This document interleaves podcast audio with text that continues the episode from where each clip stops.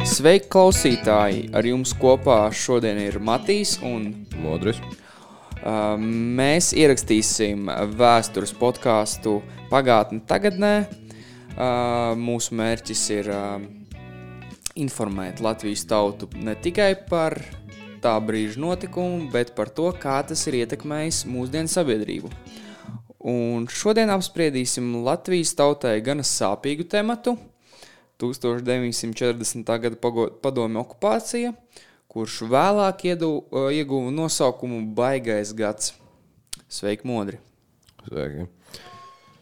Tā tad neliels ieskats vēsturē. 1940. gada vasarā Padomju Savienība īstenoja Baltijas valstu okupāciju, kuras ietvaros sagrāba arī Latvijas Republiku. Šī valstiskās neatkarības slepkavība tika izlemta jau gadu iepriekš, parakstot Molotovu-Ribbentropa paktu.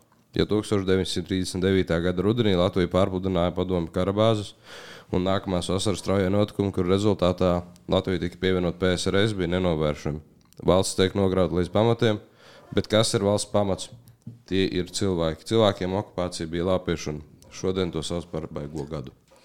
Jā, nu, ja mēs tā ieskatāmies vēsturē, lai jūs klausītājs saprastu kontekstu, tad nu, 30. gadi bija tāds liels pārmaiņu laiks vispār pasaulē. Mm, Pavisam noteikti. Īpaši Eiropā. Nu, pa lielam, ga- nu, ļoti daudzās valstīs sāka cilvēki pārstāja ticēt demokrātijai un pievērsās autoritāriem režīmiem, kas bija manāms visur. To Jā. skaitā Baltijas valstīs, to skaitā Latvijā, Rumāņā pārsam. Uh, Modri vēl, vēlos tev pajautāt, kā domā, kāpēc uh, iedzīvotāji sāka neticēt demokrātijai? Es pieļauju, jo iepriekš pavadītie gadi zem vienotas varas, kas pieder nevis tautai, bet vienam cilvēkam, kas būtu monarhs vai uh, kaut kāda cita, teiksim, cārs, kas bija Krievijā, vai mm -hmm. karaļi, kas Jā. Bija Eiropā. Un cilvēki ne, ne, nespēja aprast ap uh, atbildību, kas nāk līdz demokrātijai. Un tādēļ, kad viņiem pateica to, ka būs viens vadonis, kurš visu viņu vietā izdarīs, viss, kas viņiem jādara, ir jādzīvo un jābūt uzticīgiem, tad uh, tas viņiem šķita kā labākais ceļš. Tad, respektīvi, viņi bija pieraduši vienkārši kādam uzticēties, un Jā. viņi ne paši nebija gatavi. Nav, nav gatava atbildībai. Nav gatavi atbildībai. Jā. Ok, jā. Nu, un 30. gados arī ļoti izteikti izveidojās ļoti stabilas un spēcīgas tādas ā, totalitārie režīmi, Staļina režīms Padomju Savienībā un Hitlera nacistiskā Vācija. Un, manuprāt, jau 30. gada tie visi notikumi bija tikai tāds loģisks iegans, kāpēc uh, mēs nonācām līdz otrajam pasaules karam. Jā, pavisam noteikti piekrītu tam, ka, nu, kā tur bija pirms kara sākuma, pēc idejas tur vienkārši tieši no trešā rēka puses bija vēlme iegūt pēc iespējas vairāk teritoriju, pirms sākās atklāta kara darbība uz divām frontēm. Nu, jā, tā Hitlera ideoloģija bija tāda, ka principā pārveidot uh, visu pasauli par, par tādu Vāciju, tā, par vāciešu. par vāciešu apdzīvotu zemi. Un, un kad principā puspasaulē Hitlers ir vadonis un, un viņš pr- principā ir dieva vietā. Jā, Un, nu, jā, tas tā, ja mēs no šodienas skatu punkta raugāmies, tad tas ir nu, pilnīgi slimi. tas ir galīgs absurds, un tomēr pateicoties um, viņa oratoru spējai, kā arī klimats, kurā tieši viņam izdevās teiksim, tā, īstenot to savu ideju, kļūt par valsts kancleru un galīgo vadoni. Es uzskatu, ka tas bija gaidāms. Protams, varbūt ne tik ļoti galīgi apmēros, kādos tas notika. Ja mēs ņemam vērā holokaustu un visas citas tieši uz rasi vērstās problēmas, kas bija saprotams, jo tādā vajadzēja dzinuli tautai, lai tā piekristu. Jā, Bet es pieļauju, ka lielākā ietekme tomēr bija kara sekas nekā viņa kā vadoņa ietekme uz visiem. Vienkārši cilvēki gribēja ticēt kaut kam, un viņš deva Jā. tiem iespēju ticēt. iespēja ticēt. Jā. Mm, Jā, ļoti precīzi. Tā viņa vērstā politika tajā laikā Vācijā bija nu, ļoti stabila. Viņam tiešām bija daudz piekritēji. Un, un tajā laikā arī Vācijas ekonomika ļoti auga tieši 30. gados. Nu, tā kā principā es uzskatu, ka nu, jā, Vācijas iedzīvotāji viņam ticēja. Tajā brīdī neko pat varbūt īsti ne, nenojaut, kas par viņiem notiks pēc, pēc vairākiem gadiem. Jā. Nu, jā, tas tāds neliels ieskats vēsturē, nu, kas loģiski arī mm, tas tik 40. gada beigais gads bija tikai tāds loģisks uh, iznākums tam Jā. visam, kas jau nošanājās Eiropā 30. gados. Jā. ne? Labi, modri. Virzīsimies pie mūsu podkāstā galvenās daļas, kur apspriedīsim uh, galvenos jautājumus, apgalvojumus un varbūt dažus mītus, kas vēl uh, mūsdienās pastāv. Jā. Jā. Tātad, kāda būtu mūsdiena, ja Latvija netiktu okupēta 1940. gadā? Ļoti sarežģīts jautājums, jo kaut arī tā padomju okupācija neilga, teiksim, kopumā pat tos veselos 60 gadus. Tā tomēr atstāja Ļoti milzīgu, lielu milzīgu ietekmi, ietekmi uz sabiedrību, milzīgu ietekmi. Un valsts, kas būtu pastāvējusi bez tās ietekmes, pārāk krasi atšķirās, lai varētu iesākt teoretizēt tieši no sabiedrības viedokļa. No ekonomiskā viedokļa es uzskatu, ka mums būtu labāk tieši ekonomiskajā ziņā, kā arī būtu citādāka attieksme pret korupciju un ko tieši nozīmē demokrātija sabiedrībā. Mm, Jā. Nu, principā, ja mēs paskatāmies uz tādiem lielākiem zaudējumiem 1940. līdz 41. gadā okupācijā, padomu okupācijā, tad principā nu, tika ļoti ierobežota un iznīcināta mm, tāda mm, latviešu elite. Jā, elite Elite tika iznīcināta, tie, kas principā nepakļāvās, tika nošauti vai izsūtīti uz Sibīriju. Un, uh, jo viena gada laikā valsts nevar veikt tik apjomīgu mm, tādu pilnīgu revolūciju un nograut valsts līdz pašai valsts pamatiem un izmainīt cilvēku domāšanu. Principā vienā gadā jā, tu vari iznīcināt atsevišķu cilvēku grupas, ko arī Padomju Savienība tajā laikā izdarīja, jo viņiem vajadzēja izveidot attiecīgu vidi, lai pēc tam veidotu nu, Padomju Savienību un Latviju iekļautu tās sastāvā un, un inkop- inokop- inokorporēt. Jā. Jā. Un, uh, nu, ir liels teiciens. Ja pie varas nāk nabagi, tad valstī ir bats un vairāk nekas. Jā. Un, principā, ja mēs tā raugāmies, tad līdzīgi arī notika. Un, ja šai, šī padomjas Savienības uh, okupācija 40. gadā nebūtu bijusi un Latvija saglabātu neatkarību, tad nu, nabagi pie varas nebūtu.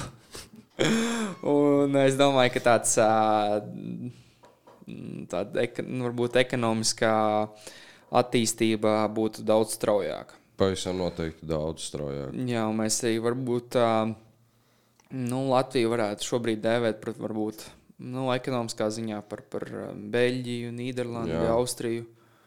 Ka, jā, varbūt viņiem ir nedaudz citādāka sistēma arī šobrīd, bet, nu, ja mēs tā raugāmies pagātnē, tad viņi šo te 20. gadsimta otrajā pusē ļoti labi saglabāja savu to, to, to nu, Gan neatkarību, gan arī nostiprināja savu vietu pasaules Pie- tirgu. Tieši Bija- tā. bija. Jā.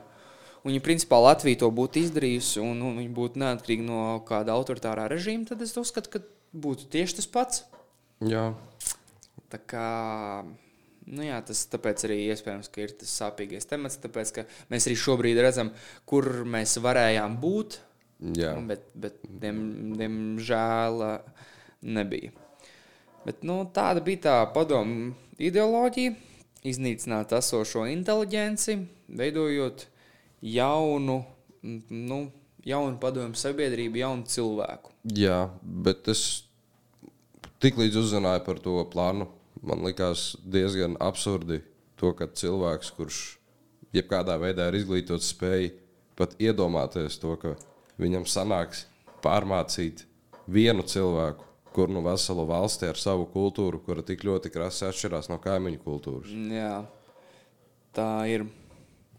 Nu, ja mēs tās kā raugāmies, tad, protams, ka nu, mūsdienas būtu citādāks uh, Latvijā un mūsdienu sabiedrība būtu pilnīgi, manuprāt, arī citādāk domājoši, Jā. mēs varbūt mm, nu, tik ļoti nestagnētu.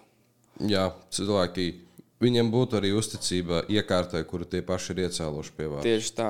Jo, nu, ja mēs raugāmies, tad šobrīd cilvēki, kas ir nu, arī labu laiku padzīvojuši Padomu Savienībā, nu, viņi ir nu, viņi principā nu, neticīgi. Jā. Viņi netic valsts varai, bet arī tajā pašā laikā viņi īstenībā neko nedara, lai to nu, varu mainīt. Man, jā, man, man šķiet, tas ir vis, vislabāk pamanāmais, kā vispamanākā, pamanāmākā saka, ko atstāja Padomu Savienība, ir ieviesa cilvēkiem neticību varā. Un mm -hmm. arī, ja var tā izteikties, nosita cilvēku vēlmi šo varu mainīt, jo parādīja to, ka nu, nevar mainīt. Tajā laikā es piekrītu, nevarēja mainīt. Jā, Mūsdienās var mainīt. var mainīt, jo ir demokrātija. Un... Tieši tā. Nu, demokrātiskā valsts ir laba ar ko. Val, demokrātiskas valsts vara ir sabiedrības spogulis. Kāda sabiedrība, Jā. tāda vara. Un, ja cilvēki tādas ieceļ, tā jau nav gluži to cilvēku iecelto vainu. Nu, redzamot, mēs kā tādi 21. gadsimta jaunieši jau lieliski noraksturojām to, ka mēs arī šobrīd jūtam. To, ka Latvija bija pavadījusi vairāk kā 50 gadus padomu okupācijā. Uh, pat 50, nē, nesnāca 50, 45. Jā, nu, Nu, gan labu. Jā. laiku. Jā. Gan, mēs šobrīd arī to jūtam. Un, un es domāju, ka vēl kāds paudzes jutīsim, līdz um, mēs tiešām sāksim nu, ieviest tādu rietumu, rietumu kultūru un mazāk atsevišķināties no tās uh, austrumu Jā. kultūras, kas, to, kas, kas ir vis, bijis uh, pagātnē. Labi, Modri, virzamies tālāk. Un kā tu uzskati, vai mēs varējām izvairīties no okupācijas 40. gadā, varo, var, ņemot vērā tos visus notikumus pirms tam? Um, es uzskatu, ka nevarējām, jo mēs atrodāmies starp divām valstīm, kas būtu Padomju Savienība un Trešais Reichs, kuras bija ļoti vērstas uz karu, lai iegūtu teritorijas. Mēs atrodamies tieši starp šīm Nu, jā, mēs, valstīm. mēs... Tas noteikti arī tāds as- aspekts, ka mēs geogrāfiski vienkārši Geogrāfi, atrodamies. geogrāfiski atrodamies starp Tādā. valstīm, kuras vēlas iegūt teritorijas, kā arī politiski.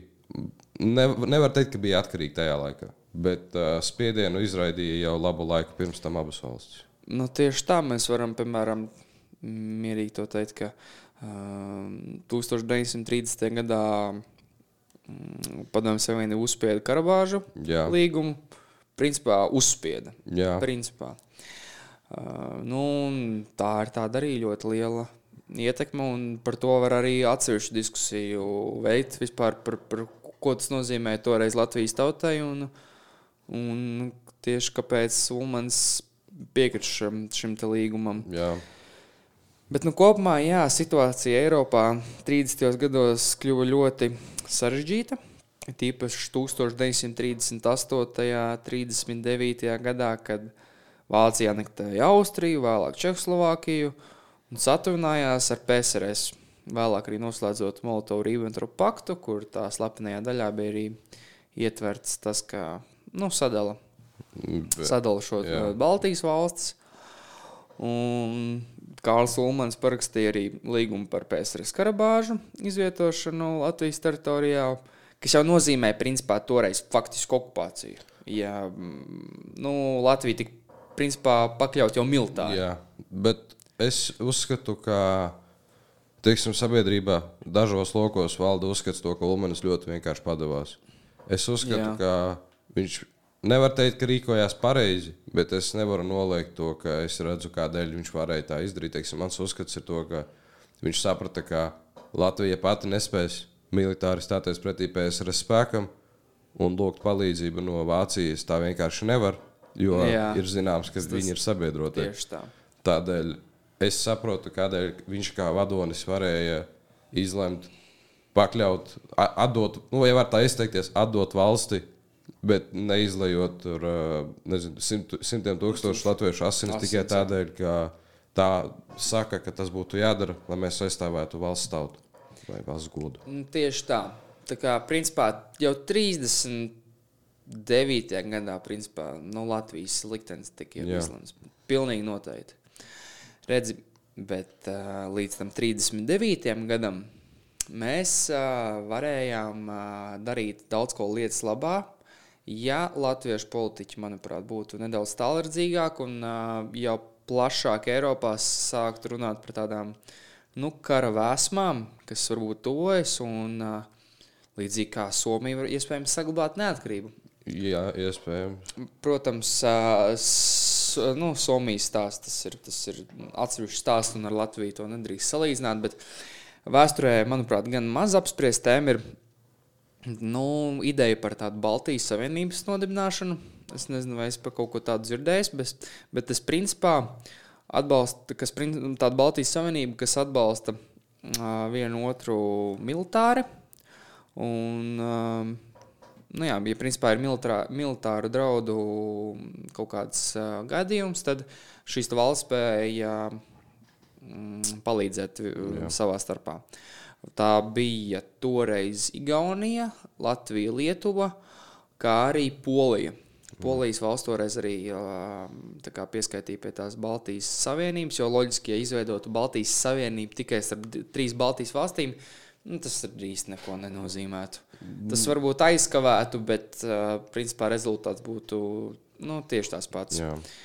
Um, nu, manuprāt, ar Igauniju, Lietuvu, Latviju, Poliju būtu par maz, bet jau kopā ar Somiju.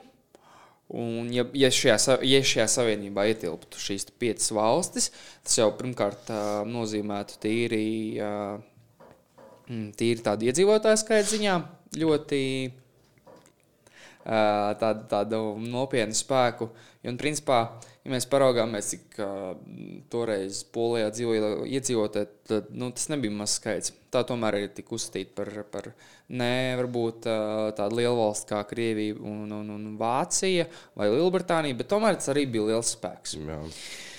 Un, principā, ko vajadzēja toreiz, manuprāt, izdarīt, nodibināt lielisks uh, sakars ar uh, Lielbritāniju, kur toreiz bija, nu, viņi nebija par Vāciju, viņi nebija īsta Krievija, viņi bija tāda, nu, Salīdzinoši. salīdzinoši, neitrāli, jā. Un uh, par, par, par to karu iz, nu, izturējās tā Um, ātrīgi. Runājot par okupāciju, tieši pieminējies par Baltijas valstīm un Poliju. Somiju šis skar krasi mazāk, bet, ja mēs apskatāmies teiksim, uz valstīm no tīri geogrāfiskā teiksim, skatu punkta, Polija atrodas uz zemes plača, zemiena. Baltijas Jā. valstis arī. Ko tas nozīmē, ka šāda tipa teiksim, tā, reljefs ir vislabāk piemērots ātrai un efektīvai militārai darbībai Jā, kas nozīmētu, ka tā kā reliefu izmainīt nevar pāris dienu laikā. Mums būtu, mums būtu Tieši tā. vajadzīgs ārkārtīgi liels finansējums, ko man šķiet. Piecas valstis fiziski nespētu savākt kopā un ziedot militāriem, militāriem nolūkiem tikai tādēļ, lai nedaudz kā, pakavētu to okupāciju, kas tik un tā būtu notikusi. Jā, tāpēc minēju par, par, par um, kad Zviedri varētu ieguldīt naudu, Angļi varētu ieguldīt naudu. Protams, mēs varam tikai šobrīd minēt, Jā. kāds būtu risinājies un vai šī savienība būtu veiksmīga. Un, bet, nu, principā, ja mēs tā skatāmies, tad nu, jau pirms 39. gada sāk nu, veidot tādu auglīgu vidi. Lai 40. gadā, principā bez neviena šāviena, Jā, mm, šī Tīri Latvijas paņemt, valsts jā, pārņemt varu. Jā. pārņemtu varu. Nu, un, ja brīnumainā kārtā Latvijai izdotos nosargāt uh, neatkarību līdzīgi kā Somijai, piemēram, Somijai šobrīd vēl joprojām ir militārai, obligātais militārais dienests. Jā. Pēc 18 gadiem, viņi, ja nemaldos, 9 mēneši viņiem ir jāpavada obligātajā militārajā dienestā. Un viņi šo lēmumu negrasās mainīt, ka viņi atceltu šo militāro uh, dienestu, vēl ņemot vērā šīs šo, nu, mūsdienu notikumus ar Ukrajinu kas vēl to visu paspildina. Un, un, un, un iespējams, ka Latvija arī šobrīd būtu mm, militārais dienas, ja Latvija izdotos nosargāt to neatkarību, un uh, mēs apzinātos, cik ļoti tas uh, nu, varētu palīdzēt. Tas viennozīmīgi palīdz, runājot par valstīm ar obligātu militāro dienestu. Tas, nu, ja mēs skatāmies plašāk, gan pasaulē, gan Eiropā, tā precīzāk, mēs varam apstīties uz Šveici. Jā. Šveicē ir obligātais militārais dienests, un, protams, salīdzināt Šveici ar Latviju ir diezgan tā, negudri, jo tās ir ļoti krāsas atšķirīgas. Protams. Taču, ja mēs tīri no militārā dienesta puses skatāmies, tas pirmkārt ļoti palīdz cilvēkam. Otrakārt, valsts, tas, tas vienmēr palīdzēs valstī. Vairāk karavīri nekādā ziņā nenāks par sliktu. Un, ja mēs ieviestu obligāto militāro dienestu Latvijā, protams, ar izņēmumiem, ir izglītības nolūkos, var paņemt mm -hmm. to neīdienu. Tieši tā. Taču tas nāktu par labu valstī, tas nāktu par labu cilvēkiem, kā individiem. Un es uzskatu to, ka. Ka arī Latvijai vajadzētu. Jā, es uzskatu, es skatoties uz mūsdienu politisko mm -hmm. situāciju, un to, ka neviens, it, kā neviens neticēja to, ka būs, būs karš Eiropā. Tik tuvu pie mums tie ir pārsimts kilometri, un mēs esam jau pie frontes, var teikt. Tieši tā. Nu, ja godīgi, tad es domāju līdzīgi, ka ar laiku vajadzētu ieviest. Jā. Nu, pirmkārt, jau ļoti labi, ka, nu, ja nemaldos, kopš 24. gada valsts aizsardzības mācību būs obligāti skolās. Kā obligāts priekšmets, tas jau dos tādu nu, ieskatu skolniekiem, bet tā nu, militārais dienas ir nu, neslīdzināma priekšrocība. To, ko var. var, var Pat pāris mēnešu laikā iegūt tur, Tieši tā. Kur citur īsti. Kaminos tā pati disciplīna un attieksme pret darbu. Jā, un, jā. Pavēlēm, ko tev izsaka. Daudz, zin, kā tādas armijas, redz tos armijas trūkumus, ka tur aiziet pilnīgi. Jā, galīgi. Gal- Gal... Bet, bet mūsdienās Tas ir, tas ir, principā, tas ir militāri, politiski vajadzīgs, uh, vajadzīgs līdzeklis, lai nosargātu savu valsti. Jā. Mēs redzam, cik mūsdienās šobrīd uh, militārā joma ar vien vairāk, ar vien vairāk attīstas. Nu, tad loģiski, mums ir, nu, mums ir jāiet laikam līdzi, un ja mēs nevaram varbūt to tādām tehnoloģijām un jaunākiem ieročiem, bruņojumu veidu, tad mēs to varam ar ieviest cilvēku pašapziņā. Jā. Jā, ja mēs nevaram paņemt ar tehnoloģijām, mēs varam ar karavīru sagatavotību. Tieši tā. Labi, virzamies tālāk. Modri, kā tu uzskati, vai padomju okupācija ir iemesls tik lielai latviešu diasporai pasaulē, kad ir eh, ļoti daudz uh, emigrējuši tieši uz uh, ārvalstīm? Es uzskatu, ka ir, un kas arī ir ļoti interesanti, man šķiet, ka padomju okupācija ir arī iemesls, kādēļ vairs latvieši, die- diaspora tieši ne, nevēlas vākties kopā, nevēlas dzīvot kopienās. Um, tādēļ, ka tā viņiem ir iemācījusi atteikties no latviedzības, atteikties no tā, ka viņi ir latvieši. Tas noved pie tā, ka tie cilvēki pa- pazaudē latviedzību. Nu, nevar teikt, to, ka viņi zaudē daļu no sevis, bet viņi zaudē daļu no valsts, un arī valsts zaudē līdz ar to. Jā, nu, ļoti daudz latviešu inteliģents, mm, kas izceļoja uz Vāciju, Zviedriju, vēlāk Angliju, Kanādu, ASV, Austrāliju. Nu, viņi lielā mērā bēg no atkārtotas padomu okupācijas. Uh, nu, jo, principā, ja mēs tādam runājam par bēgļu gaitām, tad uh, 40. gadā tik uh, plaša bēgļu kustības nebija. Tas tomēr vairāk mēs runājam, ja mēs runājam par bēgļu gaitām, tad uh, mēs to varam attiecināt uz 1944. Jā. un 45. gadu, kad, uh, nu, principā, nu, viņi negribēja vēlreiz atgriezties Jā. pie padomju varas, un viņiem tā bija, nu, trauma uz mūžu, jo, nu, valdīja uzskats, ka mm, pie jebkura, bet ne pie krieviem. Un- Daudzi arī jā, mūsdienās. arī mūsdienās. turpina uzskatīt. Un latviešu inteliģents tāpēc ļoti daudz tieši tik tā latviešu inteliģents izceļoja uz ārvalstīm, jo viņi pieredzēja to, kas var ar, principā, ar viņiem notikt. Ja viņi Ja viņi, ja jā. viņi paliks un uh, aģitēs kaut kādu tādu pretpadomu kustību, vai kaut vai uh, vienkārši nebūs uh, labvēlīgi. Jā, tai- tai- ja viņi varai. neatbalstīs simtprocentīgi padomu varu, viņi tiks Jā. izsūtīti. Jā. Nu, jā, tāpēc es domāju, ka tā, tā, tā pirmā padomu okupācija asociējās ar tādu, nu, varētu teikt, genocīdu pret Latvijas tautu. ar zakšanu, Jā. aplaupīšanu. Un savu pēdu slēpšanu, kas ļoti, Jā, ļoti jā. krasi bija redzams. Un joprojām ir arī mūsdienu Krievijas valsts nevēlas at, no arhīviem jebkāda veida pierādījumus vai dokumentāciju sniegt.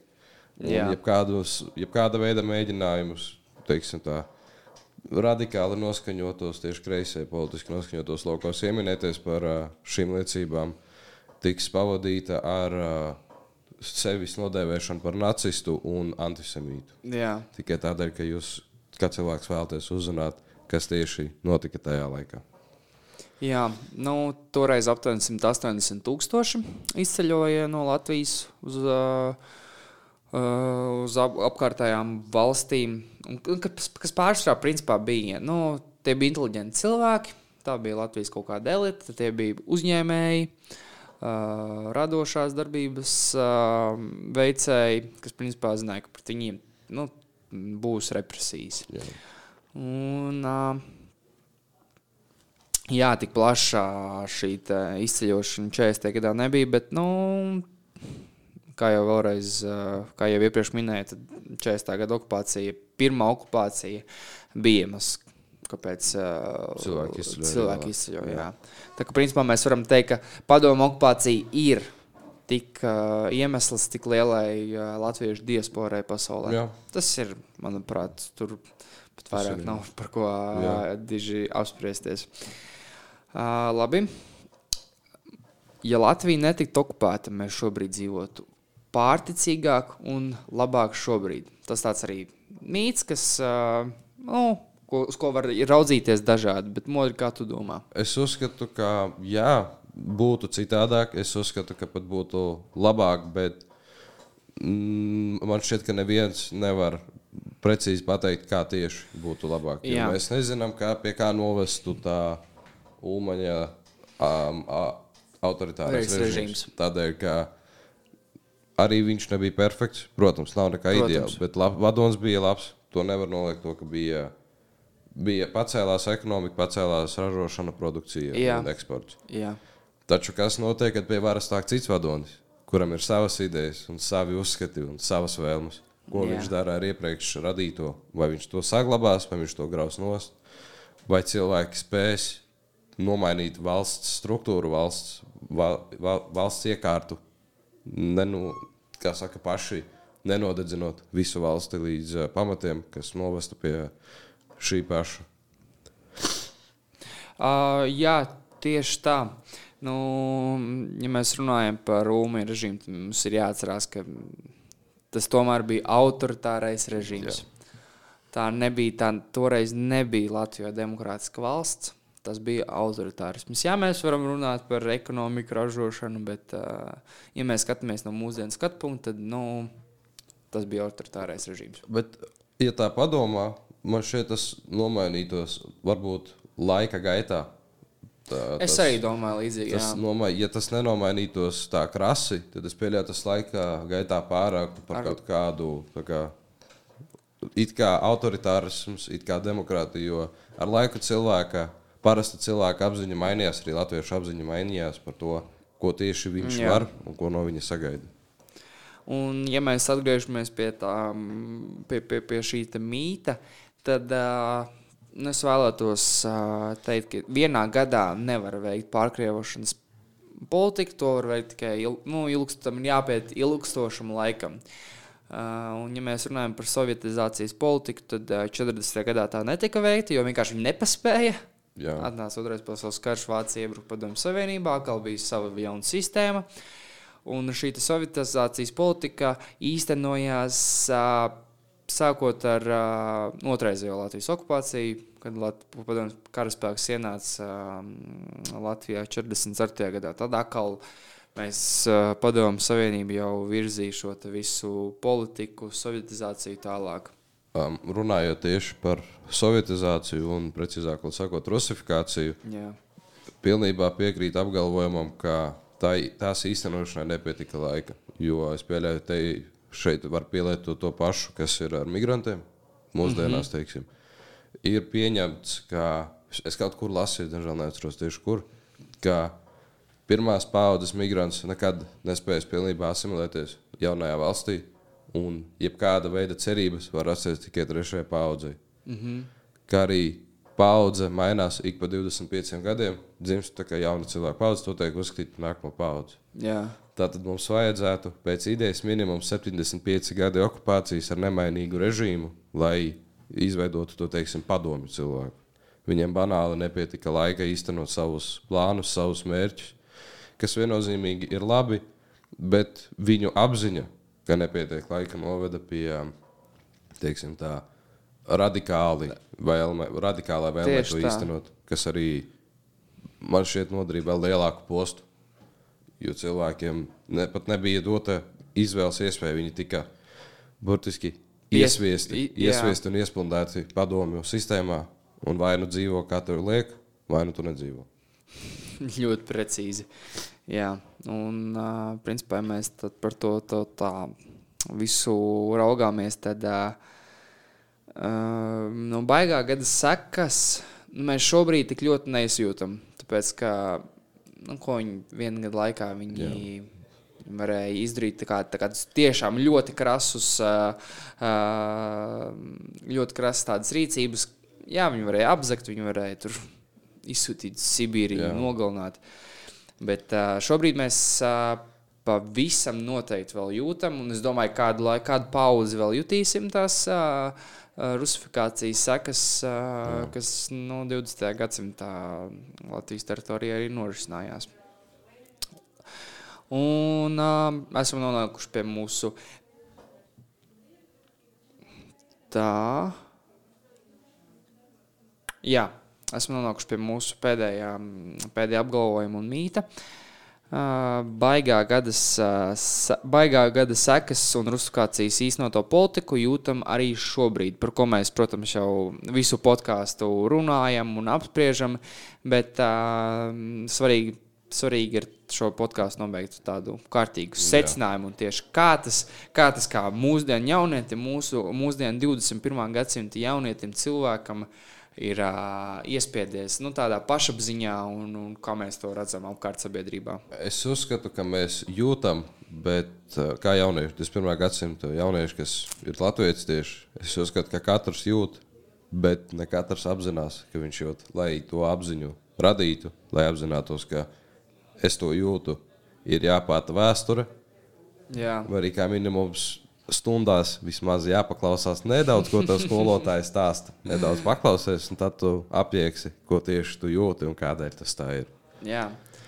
Um, nesen dzirdēju uh, gadījumu par Rīgā aizturētu sievieti, kur viņa publiski slavināja Krievijas karaspēku un teica, ka ar, ar jums, latviešiem, drīz būs cauri, ka tūlīt jums būs tāpat kā Ukrainā.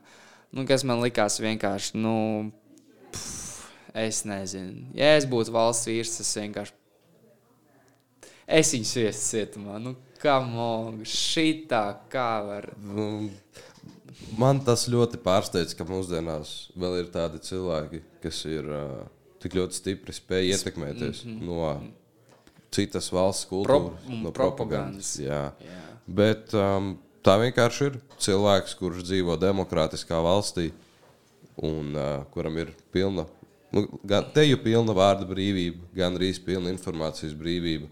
Ja cilvēks pats izvēlas sekot tikai citas valsts propagandai, tad uh, es uzskatu, ka problēma jau ir meklējama pašā cilvēkā. Jā.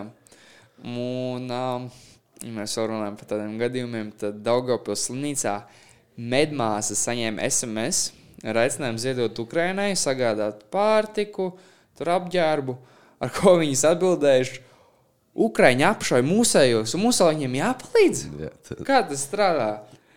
Es, es nezinu, nu, kā var tik ļoti krasi vienā valstī nu, atšķirties šīs te visas te uzskati. Ja, ja mēs dzīvojam, principā, nu, ir Latvijas televīzija, ir informatīvā telpa. Jā. Un tad cik ļoti tā Krievijas propaganda ir ietekmējusi tās, tās, tās es nezinu, nu, medmāsas vienalga, nu, kaut kādu krievlodīgu iedzīvotājus. Es nezinu, tas ir, Arī- tas ir tā kā zombiji. Zombiji, jā, bet arī kas ir interesanti, Latvijas tālie austrumi, tieši Latvijas valsts tālie austrumi. Latga, nu, precīzi, Nu, kas ir Latvijas, kas ir Daugopils, tie ir Jā. tālie austrumi.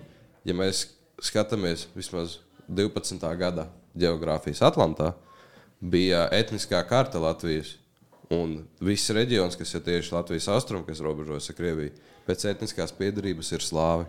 Jā, Un, uh, varbūt mūsdienās tas nav tik ļoti krasi jūtams parastam cilvēkam, bet dziļāk ieskatoties, mēs varam joprojām novilkt to, var tā izteikties, paralēli starp tavu etnisko piedarību un kultūrālo piedarību, kas arī novada pie tā, ka teiciens Ukraiņa apšauj mūsējos viņai šķiet patiesa, jo iespējams viņa sevi uzskata drīzāk par, Par par krievtautības cilvēku nekā par latviešu. jā krietotības cilvēku, kurš vienkārši dzīvo nu, Latvijas teritorijā. Bet jā, tas ir tāds arī ilgi apspriežams temats. Un, un, un, nu, es īsti es, es neizprotu šādus te iedzīvotājus, kas, kas var, ja principā viņiem visapkārtējā, nu, ne viņai apkārtējā pasaule, bet tiešām ārpasauli izņemot Krieviju, raida citādākas ziņas un rāda, kas tur patiešām notiek. Nu, viņa tam vienkārši klāja netic. Nu, es nezinu. Tas man Es- liekas tā. Es uzskatu, ka, ja pietiekami ātri cilvēkam iesaiet to domu galvā, ka ir tikai viens, viens pareizs viedoklis, un turēt to domu galvā, tad tā arī iesakņosies pietiekami dziļi, lai akli sakotu visam, ko tas saka. Uh, nu jā, tas ir, manuprāt, arī tāpēc, ka um, Krievijā ir tik ļoti atšķirīgi vispār viedokļi par šo te karu Ukrajinā. Jā. Viena uzskata, ka vispār Baltijas valstis, jūs taču visu laiku esat bijuši Krievijas sastāvā. Jā. Mēs jūs tagad atbrīvosim. Ar Ukrajinu tāpat. Nu, tas ir vienkārši kopš, kopš, kopš padomu savienības laikiem tā informācijas telpa ir bijusi vienkārši visu laiku vērsta, vērsta, ka mums ir jāatbrīvo, mums ir Jā. saucamais Jā, Krievija jā. pasaule, kad vis, kur ir, visur, kur ir krievi, tur ir mūsējie. un tā. Labi, varbūt nedaudz atvirzījāmies no tēmas, bet tas šobrīd mūsdienās ir ļoti, nu, ļoti aktuāli. Jā. Arī mūsdienu jaunietim. Nu, mēs par to nevaram nedomāt un nedzirdēt. Jā, pavisam noteikti. Arī tajā pašā par kodu krīzi runājot, arī vakcinācijas tēmas viszemākais ir tieši Latvijā. Jo tur dzīvo, manuprāt, daudz krievlodīgie, kuri atkal ir ā, uzklausījuši daudz to Krievijas propagandu sakarā ar vakcīnu, ar šo, šo Covid krīzi. Man šķiet, ka tajā reģionā arī viskrasāk var pamanīt to padomju ietekmi. Jā. Tas nav tādēļ, ka cilvēki tur ir atpalikuši. Pasargājot, tā domā. Nu, Tas nav nu, tādēļ. Tas protams. ir vienkārši tādēļ, ka reģions ir plašs, mazāk apdzīvots, kultūra telpa un kultūra vide ir. ā, Nu, man šķiet, viskrasāk ir tas pretstats starp Latvijas kultūras un informācijas telpu un Krievijas kultūras informācijas telpu. Tādēļ tur arī var vis, vis, visplašāk pamanāma tā padomju. Ja nevar teikt gaisotne, var teikt ietekmi. Tur var Jā. just ietekmi, ka tā joprojām ir un tā joprojām ir stipra. Jā, un diemžēl jāsaka, ka pēc daudz, daudz gadi. Daudz. Tajā Ļoti. reģionā ļoti daudz. Tajā reģionā paies ļoti daudz gadu, līdz mēs uh, vairs, principā, nu, ne, mums vairs nevajadzēs runāt par uh, padomju kaut kādām sekām, un Jā. Šobrīd par kaut kādām Krievijas sekām uz Latvijas valsti. Jā. Labi, Modri, vai tev ir vēl kaut kas piebilstams? Nē, mēs. Es domāju, ka mēs uh, izskatījām uh, Jā. visu, kas, kas bija jāizskata. Fokusējoties tieši uz kā tas ir ietekmējis mūsdienas, mūsdienu sabiedrību, nedaudz pafantazējot, Pacerot par to, kas Pats- varēja būt. kas varēja būt, bet kā būtu, ja būtu. Un tāpēc Jā. Mums ir tieši, manuprāt, ir jāfokusējas uz šodienu un jāietekmē šodienu, lai, lai, lai, lai rītdiena būtu labāka. Jā, Jā. Labi, modri, teikšu tev paldies. paldies. Un paldies arī klausītājiem. Paldies klausītājiem un visu labu. Visu Paldies labu. jums! Paldies.